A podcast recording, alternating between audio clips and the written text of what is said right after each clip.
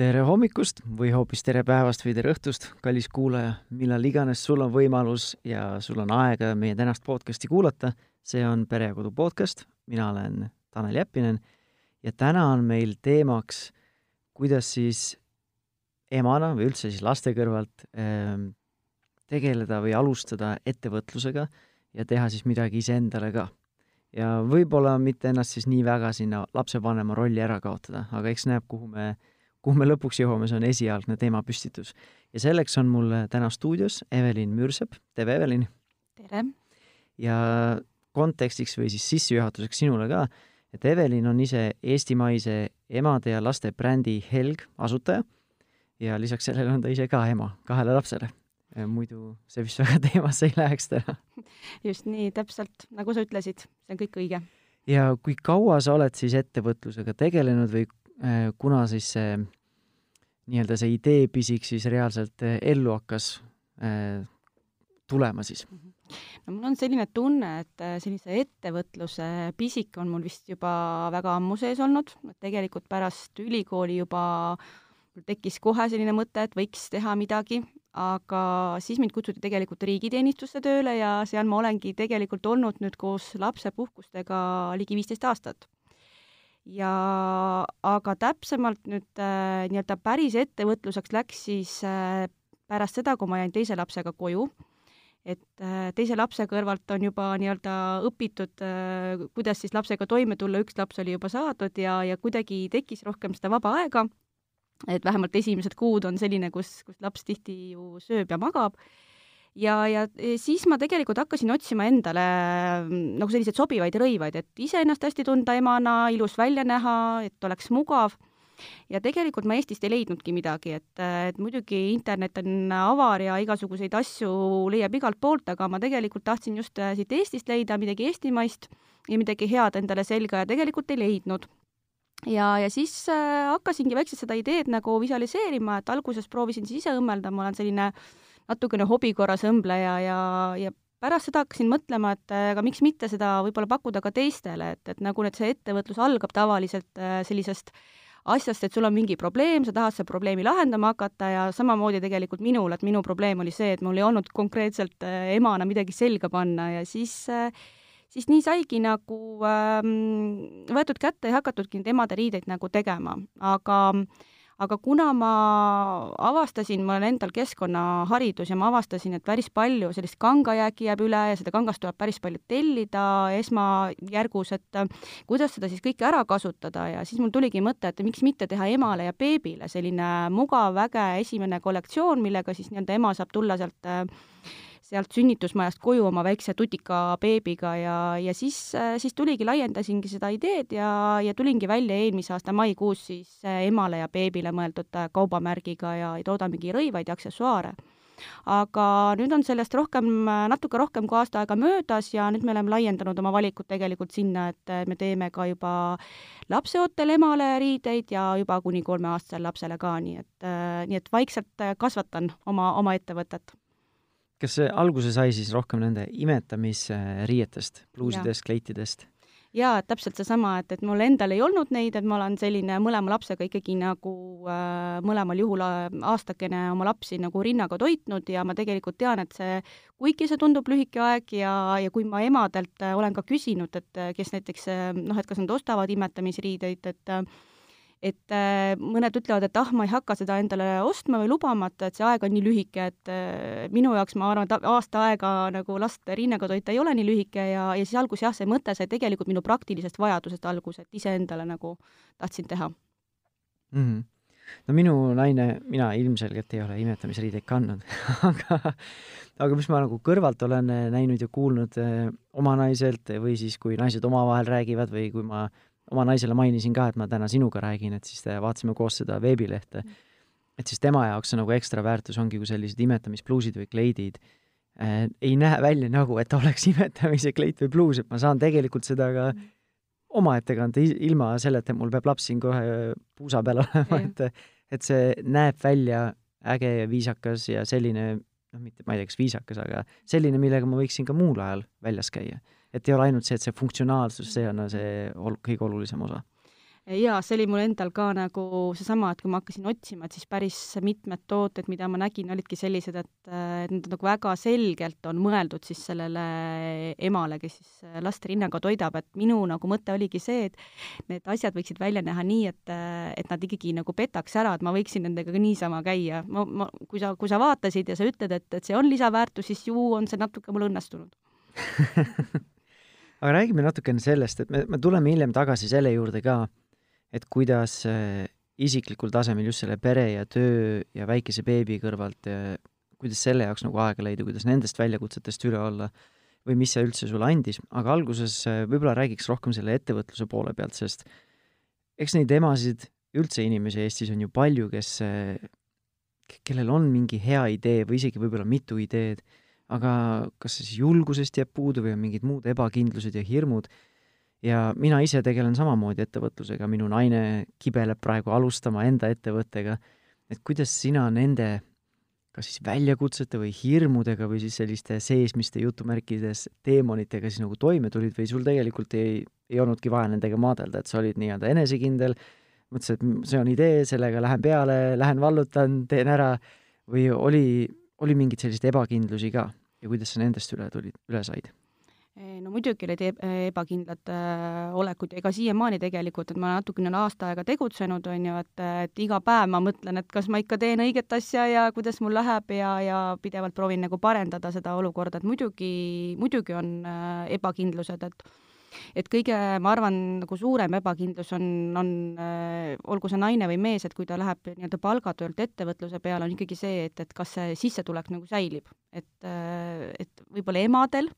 Eh, kui nad on lapsepuhkusel ja saavad veel seda emapalka, on see noh, minu, mina kasutasin seda momenti ära, et mul tegelikult lapse mm, nii-öelda ema raha või ema palk jooksis ja siis ma nii-öelda nagu tagasi nendele või noh, mul see sissetulek oli nagu olemas, et, et see moment, kui emal siis pooleteistaastase lapse kõrvalt lõpeb see emapalk, et, et siis tegelikult on see koht, kus, kus sa hakkad mõtlema, et kas ma ikkagi saan nüüd hakkama nii, et mul ei ole seda püsivat sissetulekut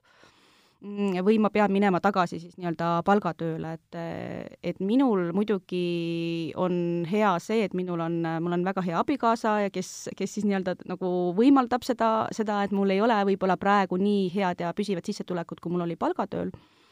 Aga kindlasti jah, need on sellised kohad, mida tuleb nagu läbi mõelda, et, et peab olema valmis vähemalt ajutiseks palgalanguseks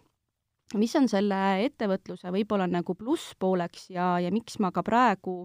eh, mõtlen eh, sellele, et ma ikkagi tahan jätkata ettevõtjana, mitte oma palgatööle noh, võib-olla naasta, on ikkagi see vabadus, mida, mida see ettevõtlus annab, et eh, ma näiteks pean silmas just ka ajalist vabadust, et kuigi äh, ma ei äh, arva, et ettevõtja teeb äh, vähem tööd või, või, või rohkem tööd kui palgatöötajad, ma arvan, et, et inimese loomus on pigem see, kuidas ta oma tööd teeb, aga ettevõtlus annab sellise vabaduse, et äh, kui ma vanasti läksin tööle peale seda, kui ma esimese nii-öelda lapsega, lapse kõrvalt tööle tagasi läksin, siis kui ma hommikul sinna pool üheksa tööle jõudsin, siis mul oli selg juba selline vaevahigiga kaetud ja niisugune tunne, et mul on pool päeva juba möödas, et see kõik see see hommikune kiirustamine ja sinna lasteaeda selle, ma ei tea, nutva lapse jätmine ja, ja õhtul tagasi sinna lasteaeda kiirustamine ja see süümetunne, ma ei tea, pere ees, et, et kogu aeg ma olen kuskil ära see siis tegelikult selle ettevõtlusega natuke nagu minu jaoks tagasi tõmmanud, sellepärast et ma praegu saan ikkagi viia oma teise lapse lasteaeda siis, kui ma tunnen, et ma olen selleks valmis, ma lähen talle varem järgi, aga ma teen seda oma tööasja siis kuidagi mingil teisel ajal. no muidugi mõnikord see satub ka olema uneajal, et see on küll üks asi, mida siis, äh, mis ettevõtja peab arvestama, et ta saab olla paindlikum, aga see tööaeg tuleb ikkagi ju täis teha ja, ja mõnikord see ei tule võib-olla nii tervislike võtetega sada protsenti olen nõus sinuga, et eh, eks see olegi selline nii-öelda kahe teraga mõõk, et sul on võimalus seda paindlikkust enda jaoks ära kasutada, võib-olla võtta suviti näiteks, nagu mina olen praegu võtnud rohkem aega pere jaoks ähm,, hommikud rohkem vabaks võtta või lõuna ajal olla rohkem lastega, mis iganes kellelgi on vaja, aga samas see negatiivne pool ongi selles, et, et seda piiri kuskilt nagu ei ole, sa ise pead tekitama selle struktuuri või need reeglid või piirid iseendale et kuna see töö ära lõpeb, sest sa võid töötada täpselt nii vähe, kui, kui vaja, või siis nii palju, kui vaja, et ettevõtet üldse nii-öelda vee peal hoida. ja eks see oleneb palju ettevõttest endast, äh, kui küps ta on, kui palju tal käivet on ja nii edasi, aga sinna võib väga, väga lihtsasti nii-öelda ennast ära matta ja kõik muu ära unustada. küll lapsed, küll naine või mees või, või kes sul seal kõrval on, on ju. Mm. et seal, see on nagu oluline, mis mina olen õppinud, et need piirid on olulised, aga kuna teist ülemust ei ole, ainult see, kes peeglist vastu vaatab, siis, äh, siis neid piire on vahepeal raske hoida kui nagu see peeglist vastu vaatav ülemus ütleb, aga on ju vaja, noh. absoluutselt olen nõus sinuga, et äh, täpselt, äh, täpselt sarnased tunded valdavad mind ka nüüd seal kodus. ja teise, teise koha pealt tegelikult tahaks selle juurde tagasi tulla, mis sa välja tõid, et et sulle emana oli lihtne kui, kuna sina olid siis see, kes jäi lapsega koju ja sai siis seda vanemapalka või vanemahüvitist, kuidas see õige nimetus on, et siis äh, see mingil määral lõi sellise väikese nagu ajalise akna, üle aastase ajalise akna, mis andis võimaluse sellega ettevõtlusega alustada, sest sul oli sissetulek olemas mingil määral äh, ja et see nii-öelda see järjepidevus sissetulekuga oli olemas ja, ja see andis sellise väikese nagu hoovõturaja. ja mina olen ise täpselt samamoodi seda kasutanud, mõlema lapse puhul meil on ka samamoodi kaks last. esimese lapsega äh, ma tulin välismaise tööandja juurest ära, kui meie laps oli vist kaheksa või üheksa kuud. Ja see tegelikult, et naisel oli see vanemahüvitis olemas, mina käisin kõvasti tööl, töötasin mingi kuuskümmend tundi, seitsekümmend tundi nädalas ja et see aitas meil endal luua sellise nagu säästude puhvri, mis andis meile umbes enam kui aastaajase nii-öelda selle hoovõturaja, et ma saaksin ettevõtluse käima tõmmata ja paraku seekord ei õnnestunud see asi et, et see, et säästud hakkasid kokku kuivama ja siis enam-vähem aasta jooksul oli näha ka, et ilmselt me selle viimase kahe-kolme kuuga ka ei asenda enda sissetulekut. et tuleb hakata siis töö, tööturul ringi vaatama ja siis saigi tagasi tööle mindud. ja see uus töö tegelikult mulle endale väga meeldis aga mingil hetkel nii-öelda iga töökoht muutub tavapäraseks, et see äh, need mesinädalate periood saab varem või hiljem mööda ja iga, igas töökohas on mingid väljakutsed. kas inimesed või siis äh, süsteemid, struktuurid, mis iganes. ja, ja siis me jäime teist last ootama. ja kuna meil oli siis kaks pool aastat või vähem see vahe selle vanema, varasema selle hüvitise süsteemiga, siis meil jätkus see vanema, vanemahüvitis naisel. ja siis kuna me saime oma kulud maha tõmmata, siis äh, see, siis me kasutasime uuesti seda võimalust, et meil oli uue, uus selline aastane nii-öelda hoovõturada ja siis teinekord näed õnnestus see hoovõtt ja see õhku tõmb-, õhku, õhku tõusmine, on ju. aga mina meesterahvana, isana olen täpselt, me oleme nii-öelda paarina või suhte nii-öelda üksusena või abieluüksusena, pereüksusena sedasama võimalust kasutanud, mis Eesti vanemahüvitise süsteem pakub. eriti kui endal on selline ma ei tea, kas ettevõtluse pisike on, et äh, näed seda vajadust ja seda kohta turul, et äh, mida täita ja kuidas väärtust pakkuda. Mm.. et see annab, meie perel on samamoodi olnud see vanemahüvitis ideaalse hoovõtu teha midagi iseendale esiteks ja teiseks äh, ka pakkuda ise võib-olla tööd tulevikus. ma lihtsalt kommenteeriks võib-olla seda, mis sa ütlesid, et ähm, et sa ütlesid, et sul esimene kord nagu ei õnnestunud ja, ja tuli uuesti proovida et üks asi võib-olla, mida ma ka nüüd oma ettevõtluskogemuse pealt äh, olen õppinud, on see, et, et äh, et kui sa just päris mingit iduettevõtlust ei tee või mingit noh, tõesti sellist asja, mida varem äh, pole pakutud ja turul ja, ja sa oled midagi ägedat ja mingit täiesti uut asja leiutanud, et siis sellist kiiret rikastumist tegelikult nagu ei maksa oodata, et, et ma, oh, ma hakkan ettevõtjaks, on ju, et oh, kõik mured on lahendatud, et paar kuud siin näen vaeva ja teenin siin kõvad palgad kokku, et et tegelikult see noh, vähemalt selles valdkonnas, kus mina tegutsen, et, ähm, et ma olen ka siin erinevates projektides osalenud nagu loomeinkubaatoris ja, ja Loov Eesti pesa programmis, kus siis aidatakse seda ettevõtlust nii-öelda käivitada. ja, ja seal ikkagi tuuakse välja, et, et, et ettevõtlusega noh, alustamisest kuni sellise noh, mingile tasemeni jõudmisega läheb tegelikult umbes kaks aastat aega ja alles siis sa tegelikult nagu saad aru, et kas sa teed õiget asja ja et sa näed, et kas see sissetulek hakkab tulema ja jääb nagu püsivaks, et et need inimesed, kes nagu ettevõtlusega tahavad alustada, et nad peavad olema valmiks, valmis selleks, et, et noh, tõesti, et kui seda puhvrit ei ole, et, et et mis sa siis teed, kui, kui sul nii-öelda seda sissetulekut kohe tulema ei hakka. Ja, ja teiseks, kas sa oled valmis nii-öelda kannatama see paar aastat ära, enne kui sa näed seda tulemust et, et kui sa tead, et sa oled selline väga-väga kärsitu, et siis sul peab olema õudselt hea idee, millega sa nii-öelda turule tuled, et muidu, muidu ikkagi on, see võtab aega, et, et endale seda püsivat sissetulekut nagu luua mm. -hmm. jah, et nii-öelda üleöö keegi enamasti jõukaks ei jõua, eks neid eh, selliseid tuhkatriinu lugusid on küll, aga et kui keegi teine võib kõrvalt vaadata, siis tundub ka, et et näe, mul ettevõtte käivitamine õnnestus ja nüüd oled üle, üleöö edukas, siis tegelikult nii-öelda neid, seda eeltööd või need, e-, kõik need ebaõnnestumised, millest koorus see, see idee ja nii edasi, tegelikult see võttis kokku mingi neli aastat mm. ja suur osa sellest, mitte suur osa, aga üks osa sellest, vähemalt aasta aega, ma valmistasin seda pinda ette ja ennast ette tegelikult täiskohaga töökoha kõrvalt, mis tähendas, et nelikümmend, nelikümmend viis tundi täiskohaga töötaja ja siis äh, kahe väikese lapse kõrvalt veel siis, äh, veel siis ise juurde õppida ja teha muid asju, et seda, et see pinnas oleks valmis, et ma saaksin nii-öelda siis uuesti hüpata siin sealt äh, hüppelaua pealt, on ju. aga äge asi, mis sa välja tõid, mida ma tahan rõhutada, ongi see, et seda ei pea üksinda tegema. et Eestis on erinevaid asutusi ja organisatsioone, kus saab tuge.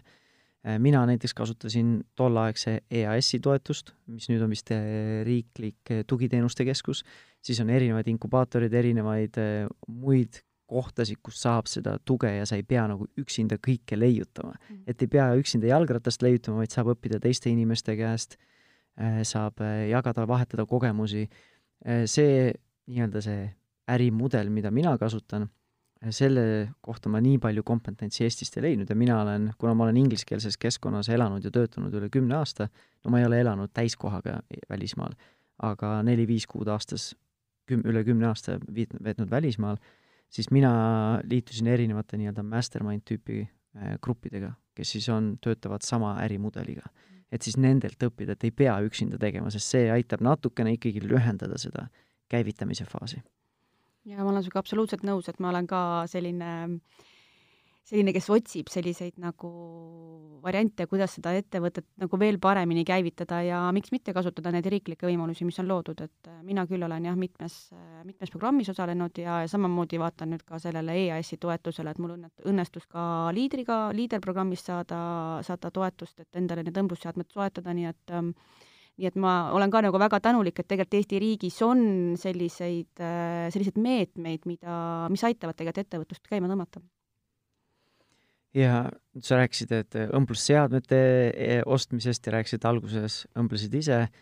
kuidas see praegu teil see süsteem on, et oled sa ise siis peaõmbleja ka ja brändilooja ja loovjuht või kes iganes? ma ise olen tegelikult hobiõmbleja, et ma oma nagu teenust ei pakuks mitte kellelegi, see on selline väga algeline, et ma oskan endale võin teha ja, ja nii-öelda kodus äh, kodus kardinad ette õmmelda, aga ma ei ähm,, ma olen natukene kärsitu selleks. kardinatega vist linna peale ei läheks. Just, et, äh, et äh, ma olen natukene liiga kärsitu selleks, et midagi sellist nagu rahulikult valmis teha, et ma kuidagi, see õmblemine ise ei ole minu teema aga mul, ma alustasin nii, et mina olin siis see, kes mõtles välja seda, mida ma tahan, ehk siis ma nii-öelda disainisin omale need asjad valmis, äh, siis ma kasutasin konstrueerija teenust, kes siis need lõiked valmis tegi. Ja õmblusfirma õmbles mulle. Ja tegelikult nagu ma alustasin päris suurelt, et noh, oleks võinud ka oluliselt väiksemat alustada, aga mu esimeses kollektsioonis oli äh, tuhat kakssada toodet, ma lasin valmis õmme, õmmelda, nii et nagu päris nagu, päris palju raha läks sinna alla ehk siis julge hin-, julge hundi rind on kas haavleid täis või siis rasvane absoluutselt. aga siis ma mõtlesingi selle peale, et ähm, et kui sa tellid äh, nii-öelda õmblusteenust sisse, et seal on sellised erinevad äh, head ja, ja halvad nagu asjad, et, et kui sa lähed suurema tegija juurde, siis tema jaoks võib-olla oma tuhande tootega oled väike tellija ja kui sa lähed sellise väiksema tegija juurde, siis tema jaoks sa võib-olla oled natukene jälle liiga suur, et tal ei pruugi ollagi selliseid äh, õigeid nagu seadmeid, millega neid tooteid valmis õmmelda, nii et ma, ma noh, proovisin nagu erinevate õmblusfirmadega koostööd teha ja teen siiamaani edasi ka, aga, aga kuidagi tundus õige proovida ka seda varianti, et ikkagi mul on oma õmbleja ka ja just siis, kui ma märkasin seda, et, et, et liidri kaudu oli võimalik saada seda toetust, et siis ma mõtlesin, et ongi õige aeg nüüd nagu ära proovida see ja, ja praegu on täiesti, tõesti ongi nii, et tegelikult mul oma õmbleja õmbleb need tooted valmis, mida siis inimesed tellivad, et, et olen läinud praegu seda teed jah, et olen ise nagu äh, tööandja siis ühele õmblejale. Väga vahva, nii et Eestis äh, disainitud, Eestis õmmeldud, ei pea kasutama Bangladeshi õmblejaid Jah. või tai, tai, tai õmblejaid. ja et mul tegelikult ongi, kuna ma ise olen keskkonna valdkonna nagu eriala õppinud ja varem ka töötanud, et mu jaoks ongi hästi oluline see nii-öelda eetiline pool ja see nii-öelda jalajälg, mis ma maha jätan ja see keskkonna, keskkonna pool ka, et siis, siis jah, see on minu üks äh, kindel nagu soov, et äh, nii see kangas oleks siin Euroopa Liidus toodetud, hea meelega ma ostaks ka, kui oleks Eestis toodetud, aga Eestis kahjuks ei ole sellist äh, mustrilist kangast nagu põhimõtteliselt võimalik saada ja siis ma pean Euroopa Liidust teistest riikidest ostma, aga, aga igal juhul, et see oleks Ökotex sertifikaadiga ja õmbleb Eestis, et, et minu jaoks on see nagu selline eetiline tootmine ja, ja ma tahangi nagu just Eestis tööd anda inimestele. Väga vahva, palju edu sulle sellega! ma tänan, ma ei tea, kuhu ma sellega välja jõuan, aga loodan, loodan, et ikka kasumine. no eks see ettevõtlusega ongi see, et nagu sina ütlesid, et et sina oled kuulnud, et kahe aastaga, kaks aastat läheb aega, et ettevõtteid käivitada, siis nagu väga suur osa ettevõtteid ei näe esimest sünnipäevagi ja veel vähem nendest või väga väikene murdosa näeb nendest viiendat või kümnendat sünnipäeva. et selles mõttes on näha, et algus on, algus on tehtud. aga räägime natukene nüüd sellest nii-öelda pere või siis ema rolli ja ettevõtluse alustamise nii-öelda väljakutsetest eh, või hirmudest ja nii edasi, et sa ütlesid, et teise lapsega hakkasid eh, nii-öelda reaalseid samme võtma, et seda ettevõtet käivitada. kui vana teil esimene laps siis oli? no esimene laps oli koolieelik, nii et ta oli ka lasteaialaps ikkagi. okei okay,, sest ma tean, meil on kodus praegu kolmene ja viiene. Ja ma küll ei näe, mu naisel oleks aega, et see, et tema saaks enda ettevõtlusega tegeleda üldse või seda ettevalmistust teha, siis selle jaoks me peame ikka, meie peame ikka tõsiselt planeerima seda sisse, et eh, kuidas seda aega leida, sest noh, eriti praegu ka, kui me salvestame seda veel suvel, et lasteaiad on väljas,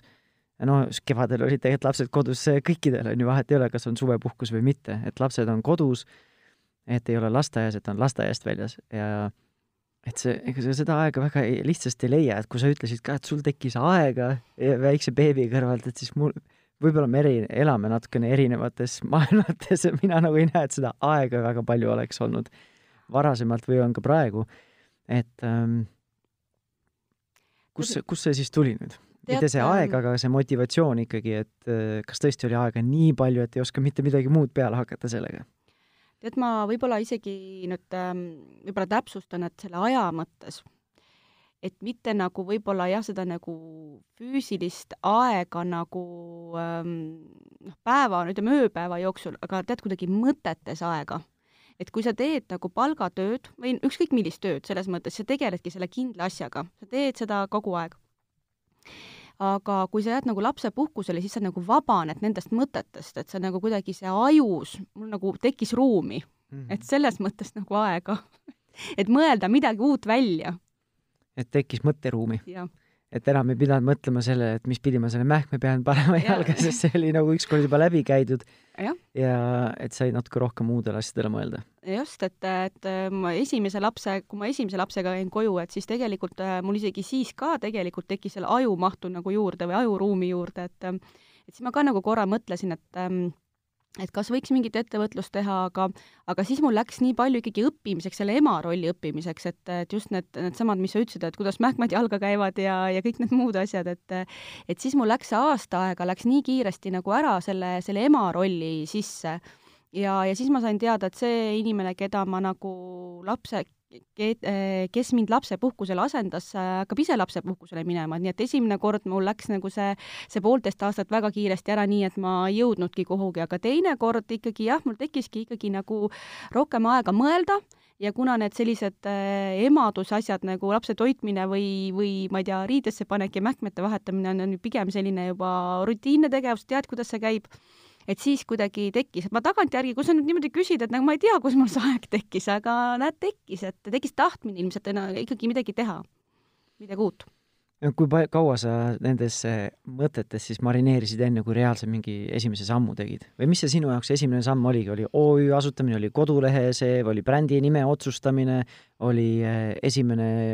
ma ei tea, imetamiskleit, mille sa said maha müüd-, müüdud või mis see sinu jaoks selline esine reaalne rea,, esimene reaalne samm oli, et jah, esimene samm on tehtud, nüüd järgmised tulevad lihtsamini?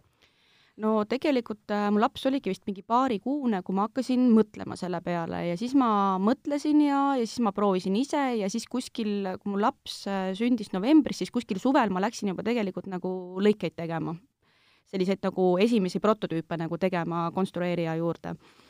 ja siis, kui laps ei olnud veel aastane, siis ma asutasin nagu ettevõtte nagu reaalselt, et siis ma arvan, et minu jaoks oli see, oli selline märgilise tähendusega, et ma ikkagi nüüd, kui ma selle ettevõtte olen loonud, et siis ma pean sellega nagu edasi minema, aga tegelikult tuttavad keegi sellest midagi ei teadnud, et ma tegelikult, äh, mul isegi mees täpselt ei teadnud, millega ma ikka seal nagu tegelen vaikselt. Et ma kuidagi nagu omaette äh, pussisin, et ma, ma ei olnud ise ilmselt veel ka päris kindel, et ma sellega veel niimoodi päriselt ikkagi tulengi välja nii et kui ma siis äh, kui ma siis aasta aega peale seda, kui mul see esimesed mõtted tekkisid, äh, nii-öelda päriselt välja tulin selle, selle brändiga ja tegin nii-öelda lõin oma kodulehe nii-öelda avalikuks ja, ja tegin sellise avamisürituse, siis ma kujutan ette, et see tuli mingi üheksakümmend protsenti mu tuttavatest üllatusena üldse, et ma midagi sellist olen teinud vahepeal, et nad ei, ei saanud aru, et kust kohast, kust luuavarrest nüüd see pauk nagu tuli, et, et ma ikka hoidsin seda nagu enda teada, et nii, et no ma arvan, et et ongi nagu mitu etappi, aga siis, kui ma jah, nii kui ma ettevõtte lõin, ja siis umbes pool aastat hiljem, kui ma nüüd päriselt selle nii-öelda lansseerisin, selle brändi, et need on sellised tähised, millega ma siis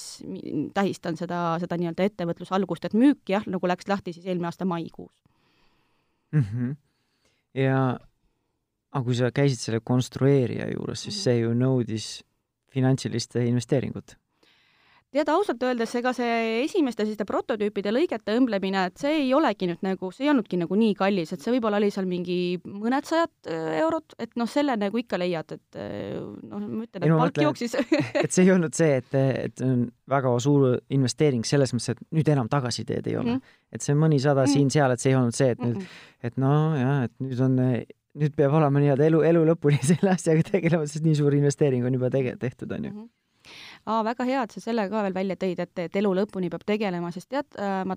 mõtlesin, kui, kui me leppisime kokku, et me võiksime sellest teemast rääkida, äh, siis üks äh, asi, mis, mis mind võib-olla varem ka nagu takistas, et kui mul isegi võib-olla olid mingid mõtted, oli see, et, et noh, et kui ma nüüd nagu muudan mingit suunda, et ma pean ju siis nagu nii-öelda elu lõpuni sellega tegelema või kuidagi selline nagu noh, et kui ma olen ju õppinud midagi muud üldse, on ju, et no kuidas ma nüüd lähen ja hakkan mille, üldse mingit teist asja tegema aga seekord ma ikkagi nagu ähm, läksingi selle mõttega, et aga ma ei pea seda elu lõpuni tegema, et see on äge asi, et ma lükkan selle käima ja väga tore, kui sellest saab mingi hea plaan ja, ja ma saan sellega tegeleda nagu pikalt. aga isegi kui ma, kui ma näiteks, et,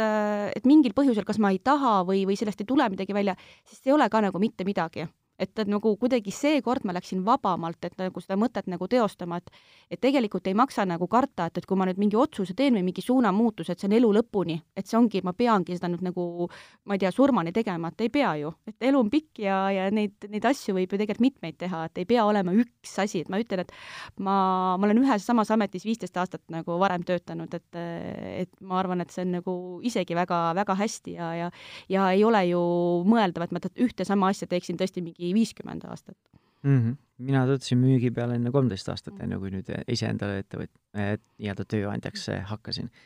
aga selle kohta jaa, et, et ei pea eluaeg seda tegema, nõus, ja teine asi, ma ütleks ka seda ka, et ei, ei maksa võib-olla karta eh, ebaõnnestumist. sest eh, neid ebaõnnestumisi tuleb nii või teisiti ja mingil määral on sama, nagu see Toomas Edison ütles, et kui ta tuhat korda tal ei õnnestunud, seda elektripirni leiutada, siis ta ütles, et see, et ta ei ole tuhat korda põrunud, vaid ta leidis tuhat viisi, kuidas see ei tööta. et siis mina ütleks küll, et et sellest aastasest ebaõnnestumise perioodist, kui mul ei õnnestunud oma ettevõtet käit-, käivitada selliselt, et ta tõesti asendab mulle sissetuleku või pakub piisavalt sissetulekut, et ma saan pere ära toita, et sellest perioodist ma õppisin ma ei saa öelda, et sama palju, sest on väga, väga raske on nagu mõõta, aga ma õppisin ikkagi väga palju, võrreldes ka sellega, mis ma nüüd sellest edukast nii-öelda katsetusest olen õppinud. et sellest ebaõnnestumise perioodist õppisin täpselt sama palju. et siis tuleb ise, tuleb ise võib-olla hoida seda mentaliteeti ja näha neid õppetunde. sest kui neid õppetunde pakutakse, aga ise neid vastu ei võta, siis komistad jälle selle ühe ja sama reha otsa ikka ja jälle, korduvalt ja korduvalt et äh, see on vähemalt minu enda kogemusest mm. -hmm. nii, aga kui sa nüüd äh, lõpuks oma ilmselt partneri ees, oma mehe sa ei suutnud aasta aega seda varjata, et käid kuskil mingi konstrueerijaga kokku saamas, käid, teed mingeid oma asju, arvelt läheb raha kuskile, ei oska seletada, kuhu see raha läks, onju. et äh, kuidas su mees sellesse suhtus, kui sa ütlesid, et kuule, ma tahaksin midagi sellist teha või ette võtta? No mu mees on ettevõtja, et no loomulikult ta, tal oli nagu päris hea meel või nagu huvitav oli kuulata, et äh, vau, et, et, et ma ka nüüd tahan nagu selle tee valida, sest et mul selline varasemalt see kogemus või see palgatöö oli ka piisavalt selline ikkagi väljakutseid nõudev. et ei, mu töö ei ole kunagi olnud selline rutiinne ja, ja ta noh, tegelikult ilmselt ei, ei teadnudki, et ma üldse nagu tahan midagi muud teha, sellepärast et ma olen alati tegelikult oma töökohta väga kiitnud ja, ja mu mees teadis, et või teab, et mulle, mulle mu sellel nagu põhitööl ka väga-väga meeldis et aga, aga jah, ma arvan, et ma mingi pool aastat vähemalt niimoodi sahkerdasin seal omapäi ja tegin, et ega ta nagu vist, äh, ma nagu väga talle midagi nendest tegemustest ei rääkinud, aga jah, siis ühel hetkel ma enam nagu kuidagi see erutus oli ka piisavalt suur juba, need asjad hakkasid juba mingit kuju võtma ja siis ma nagu, et ega ma talle, ta käest nagu ei küsinud, et kuule, mis sa arvad, vaid ma ikka tulin nagu, et kuule, mul on selline plaan, et ma nüüd tahaks teha ja siis ta ütles, et väga äge, et tee ära. on seal mingeid äh, väljakutseid ka ette tulnud, mitte ma nüüd õngitseks hullult draamat, aga me siin salvestuse väliselt rääkisime ka, et mina olen samamoodi iseendale eh, tööandja ja minu naine nüüd, kui meil vanem, noorem laps on kolmene, siis tema on juba viimased vähemalt pool aastat, kui mitte terve see kaks tuhat kakskümmend eh, nagu vaaginud ja flirtinud selle ideega, et tahaks ka enda ettevõtlusega, enda ettevõttega alustada. et siis mina kõrvalt vaatan äh, no kui sul nii palju aega, et siis tule hoopis mulle appi, mul on nagu ülesandeid ja neid eh, töö, tööülesandeid ja tööd on nagu oluliselt rohkem, kui ma ise jõuan ära teha. et eh, tule siis veel suuremas kapatsiteedis nagu mulle appi, mitte ära siis eh, nokitse siit-sealt natukene midagi. aga samas noh, teiselt poolt saan aru ka, et tema tahab nagu oma asja teha, ta ei taha nagu minu asja teha, et see on mingil määral võib-olla selline noh, tema puhul on vähemalt kindlasti see, et ta tahabki nagu oma asja teha, et et luua nagu mingil määral iseenda identiteeti, et ta ei ole nii-öelda minu abiline või ta ei ole minu partner minu ettevõttes, vaid et see on nii-öelda tema selline, tema beebi, tema selline üllitis, tema, tema looming. jaa, see täiesti väga õige nagu, õige tähelepanek on see, et, et mul tegelikult mees ka samamoodi on pakkunud, et kuna tema, tal on ka ettevõte, et, et noh, et kui mul nii-öelda käed sügelevad, et ma võiks ka samamoodi minna talle appi ja aidata temal nagu ettevõtlust äh, rohkem veel boost ida aga täpselt seesama asi, mis sa välja tõid, ongi see, et, et aga, aga see, mida mina teen, on see minu identiteet, eks ju, et see on see, mida mina tahan teha. ja, ja muidugi tegelikult äh, tekib sellest hõõrumisi, et mitte otseselt sellest, et mina teen oma ettevõtlust ja tema oma oma, vaid ikkagi see, et äh, mul ja tegelikult ka mul mehel endal on tegelikult komme see, et me kipume natuke üle töötama see natuke vist on, see natuke on vist vale sõna, et, et meil on niimoodi, et kui me nagu, me peame noh, tõmbama nagu pidurit, et et muidu see asi tuleb koju kaasa ka, et me nii-öelda, tema vaatab oma sõnumeid pidevalt telefonis, mina löön oma läpaka lahti ja, ja tegelikult see meid mõlemaid nagu häirib, et et me toome selle töö nagu koju kaasa, et jah, et selles mõttes küll, et et mitte mingi sissetuleku osas või, või selles osas, kas ma teen oma asja või mitte, vaid pigem see, et, et kuidas leida seda seda ühist aega, sest et kui ühel on äkki kiire, siis teine märkab, et aa, et sa ei tegele üldse siin koduasjadega ja, ja teisel hetkel võib see täpselt vastupidi olla, et see teine siis, kes ennem seal noomis, on ju, teeb nüüd oma asju ja ka nagu ei osale selles ühises elus, et äh, see on tegelikult jah, üks selline probleem, mis selle ettevõtlusega, ma arvan, et suuremas äh, jaos inimestel tuleb kaasa koju on teil mingid senised õppetunnid, mida jagada siis nii-öelda, et millistesse lõksudesse ise mitte astuda, et või millest õppida? Ei no tegelikult ei ole ka mingit äh, väga häid nagu nõuandeid, et äh, ma arvan, et iga pere peab selle nagu, peaks sellisel juhul selle ise kuidagi nagu leidma, et äh, et, et ega seal muud nagu ei olegi, et, et võib-olla peaks mingid kokkulepped sõlmima, et, et ongi mingid ajad, millal me siis ei vaadata neid tööasju, et see on väga lihtne rääkida, eks ju. et katsu seda teha, et eriti kui kui see töö iseloom võib selline olla, et, et äkki ongi vaja nagu ruttu vastata mingitele kirjadele või, või päringutele et, et eks ta niimoodi nagu läheb, et pigem võib-olla see, see, see soovitus on see, et, et, et sellega nagu peabki arvestama, et see on mingi asi, millega sa pead nagu leppima või nagu noh, teadma, et see juhtub, et, et see ei ole niimoodi, et et sa saad ennast, et sa tuled koju, et võib-olla selle palgatöö nagu eelis ongi see, et sa noh, mõningatel juhtudel, võib-olla enamus juhtudel saad ennast välja lülitada, see lõpeb töö ära, sa paned arvuti kinni ja sa tuled nagu koju. Et siis ettevõtlusega sa võid tahta seda teha, aga no reeglina see ei õnnestu mm. -hmm. no mina mäletan, et isegi kui vastutaval töökohal sa töötad kellegi -hmm. teise jaoks, ega see mm -hmm. töö tavaliselt sinna kontorisse ei jää no mul ka tegelikult, ega mul ka palgatööle ei jäänud äh, töökontorisse, aga siis ma tegin seda kuidagi varjatumalt natukene kodus, et nüüd, kui sa oled ettevõtja, siis ei lööda oma läpaka lahti, ütled, aga mul on praegu vaja teha, et kuidagi nagu veel julgemalt nagu, et, et tegelikult jaa, ma ise, ise täitsa tunnistan, et me küll mehega natukene nagu kodus teeme ka liiga palju tööd mm,. üks asi, mis kindlasti, no see on absoluutselt igas suhtes erinevate väljakutsetega ongi oluline, on see suhtlemine ja teine asi on, mis sinu jutust käis ka läbi, ongi endale mingid piirid ja reeglid paika panna. ja noh, siis tuleb paika panna ka strateegiad, kuidas nendest piiridest ja reeglitest kinni hoida või kuidas neid, neid pidada, on ju. Mm. aga üks asi, mis mina olen tähele pannud enda juures, sest mina teen suure osa tööst, teen kodukontorist aga kui kõige sellised kriitilisemad eh, perioodid on, siis eh, meie jaoks on väga efektiivselt töötanud see, et ma lähen kuskile ühiskontorisse või co-working space'i eh, või kontorisse ja, või ma olen isegi võtnud Tartus motelli endale kolmeks-neljaks päevaks ja siis töötanud motellist. et eraldanud natuke need asjad, et ma saan sellesama kolme päevaga, saan võib-olla teha nädala aja töö ära ja siis ma saan nii-öelda süümekate vabalt veeta perega aega ja ma olen süümekate ajal, kokku lepitud ajal teen, tegelen nii-öelda tõesti kaksteist, kolmteist tundi tööaega, noh, või tööle pühendunud. see on ka jälle sul selline õige tähelepanek ja mis ma tahtsin veel selle kohta öelda, et tõesti need inimesed, kes äh, kodus, äh, noh, kodukontorit peavad, et, et ma arvan, et need, need emad, kes oma lapse kõrvalt töötavad, tihti teevadki seda kodukontorist, et tegelikult üks asi, mis seal veel tuleb äh, tähele panna, on see, et, et kui sa oled oma lapsega koos seal kodus, siis, siis tegelikult seal võib igast asju juhtuma hakata, et mul on päris naljakaid seiku, kuidas mul laps samal ajal, kui mina usinasti tööd teen, ma ei tea, kaotab ära mu ID-kaardi kuhugile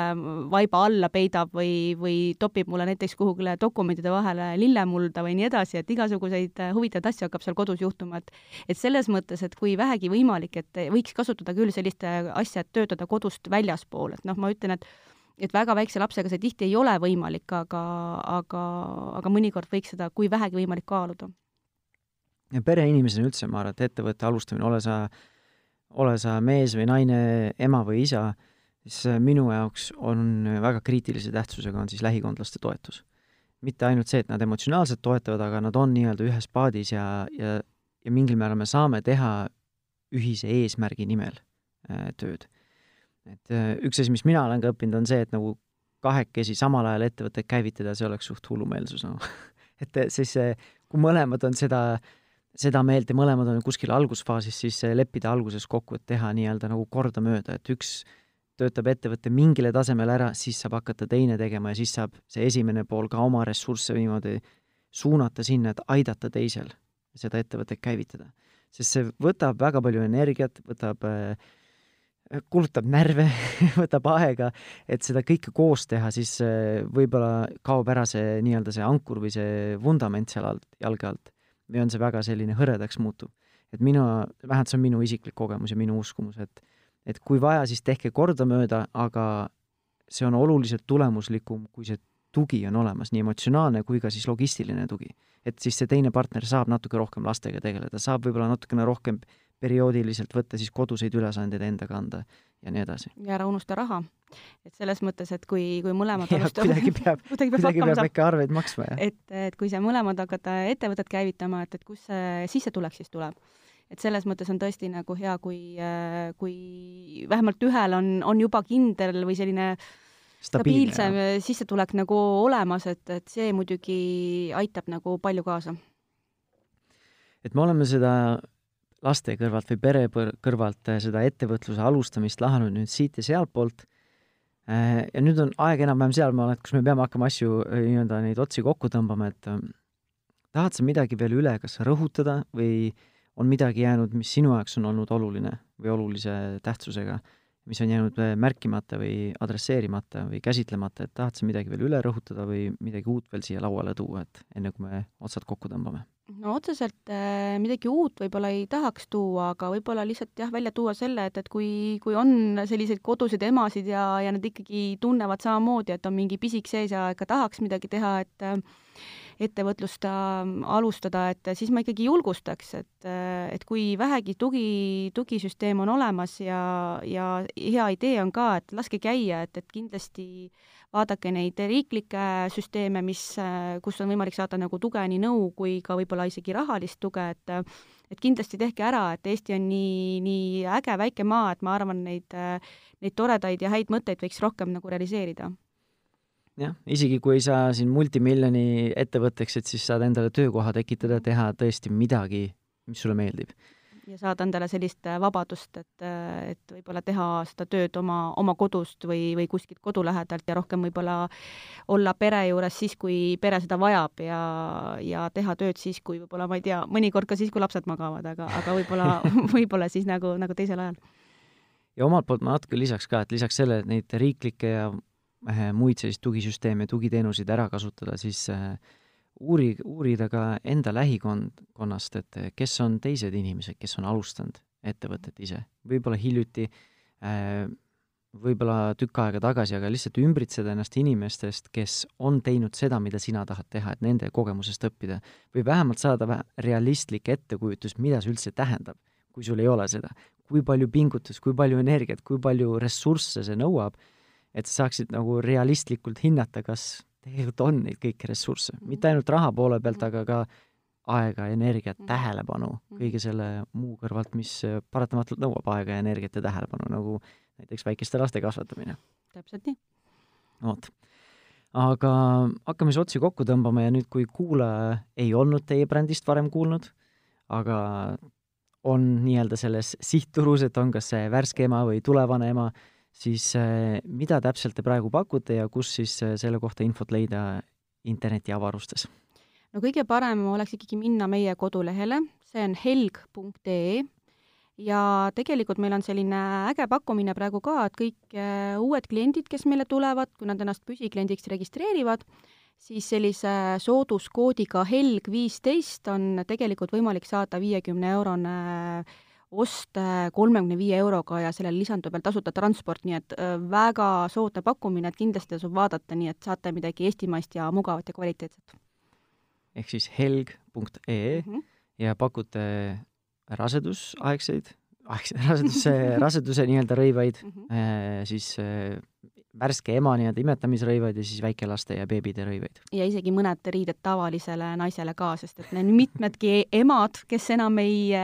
enam ei ole rasedad ja enam ei imeta, on, on nõudnud lausa, et, et tehke midagi tavalistele naistele, nii-öelda tavalistele naistele, siis meil on mõned tooted ka täitsa sellised ilma igasuguste funktsioonideta, et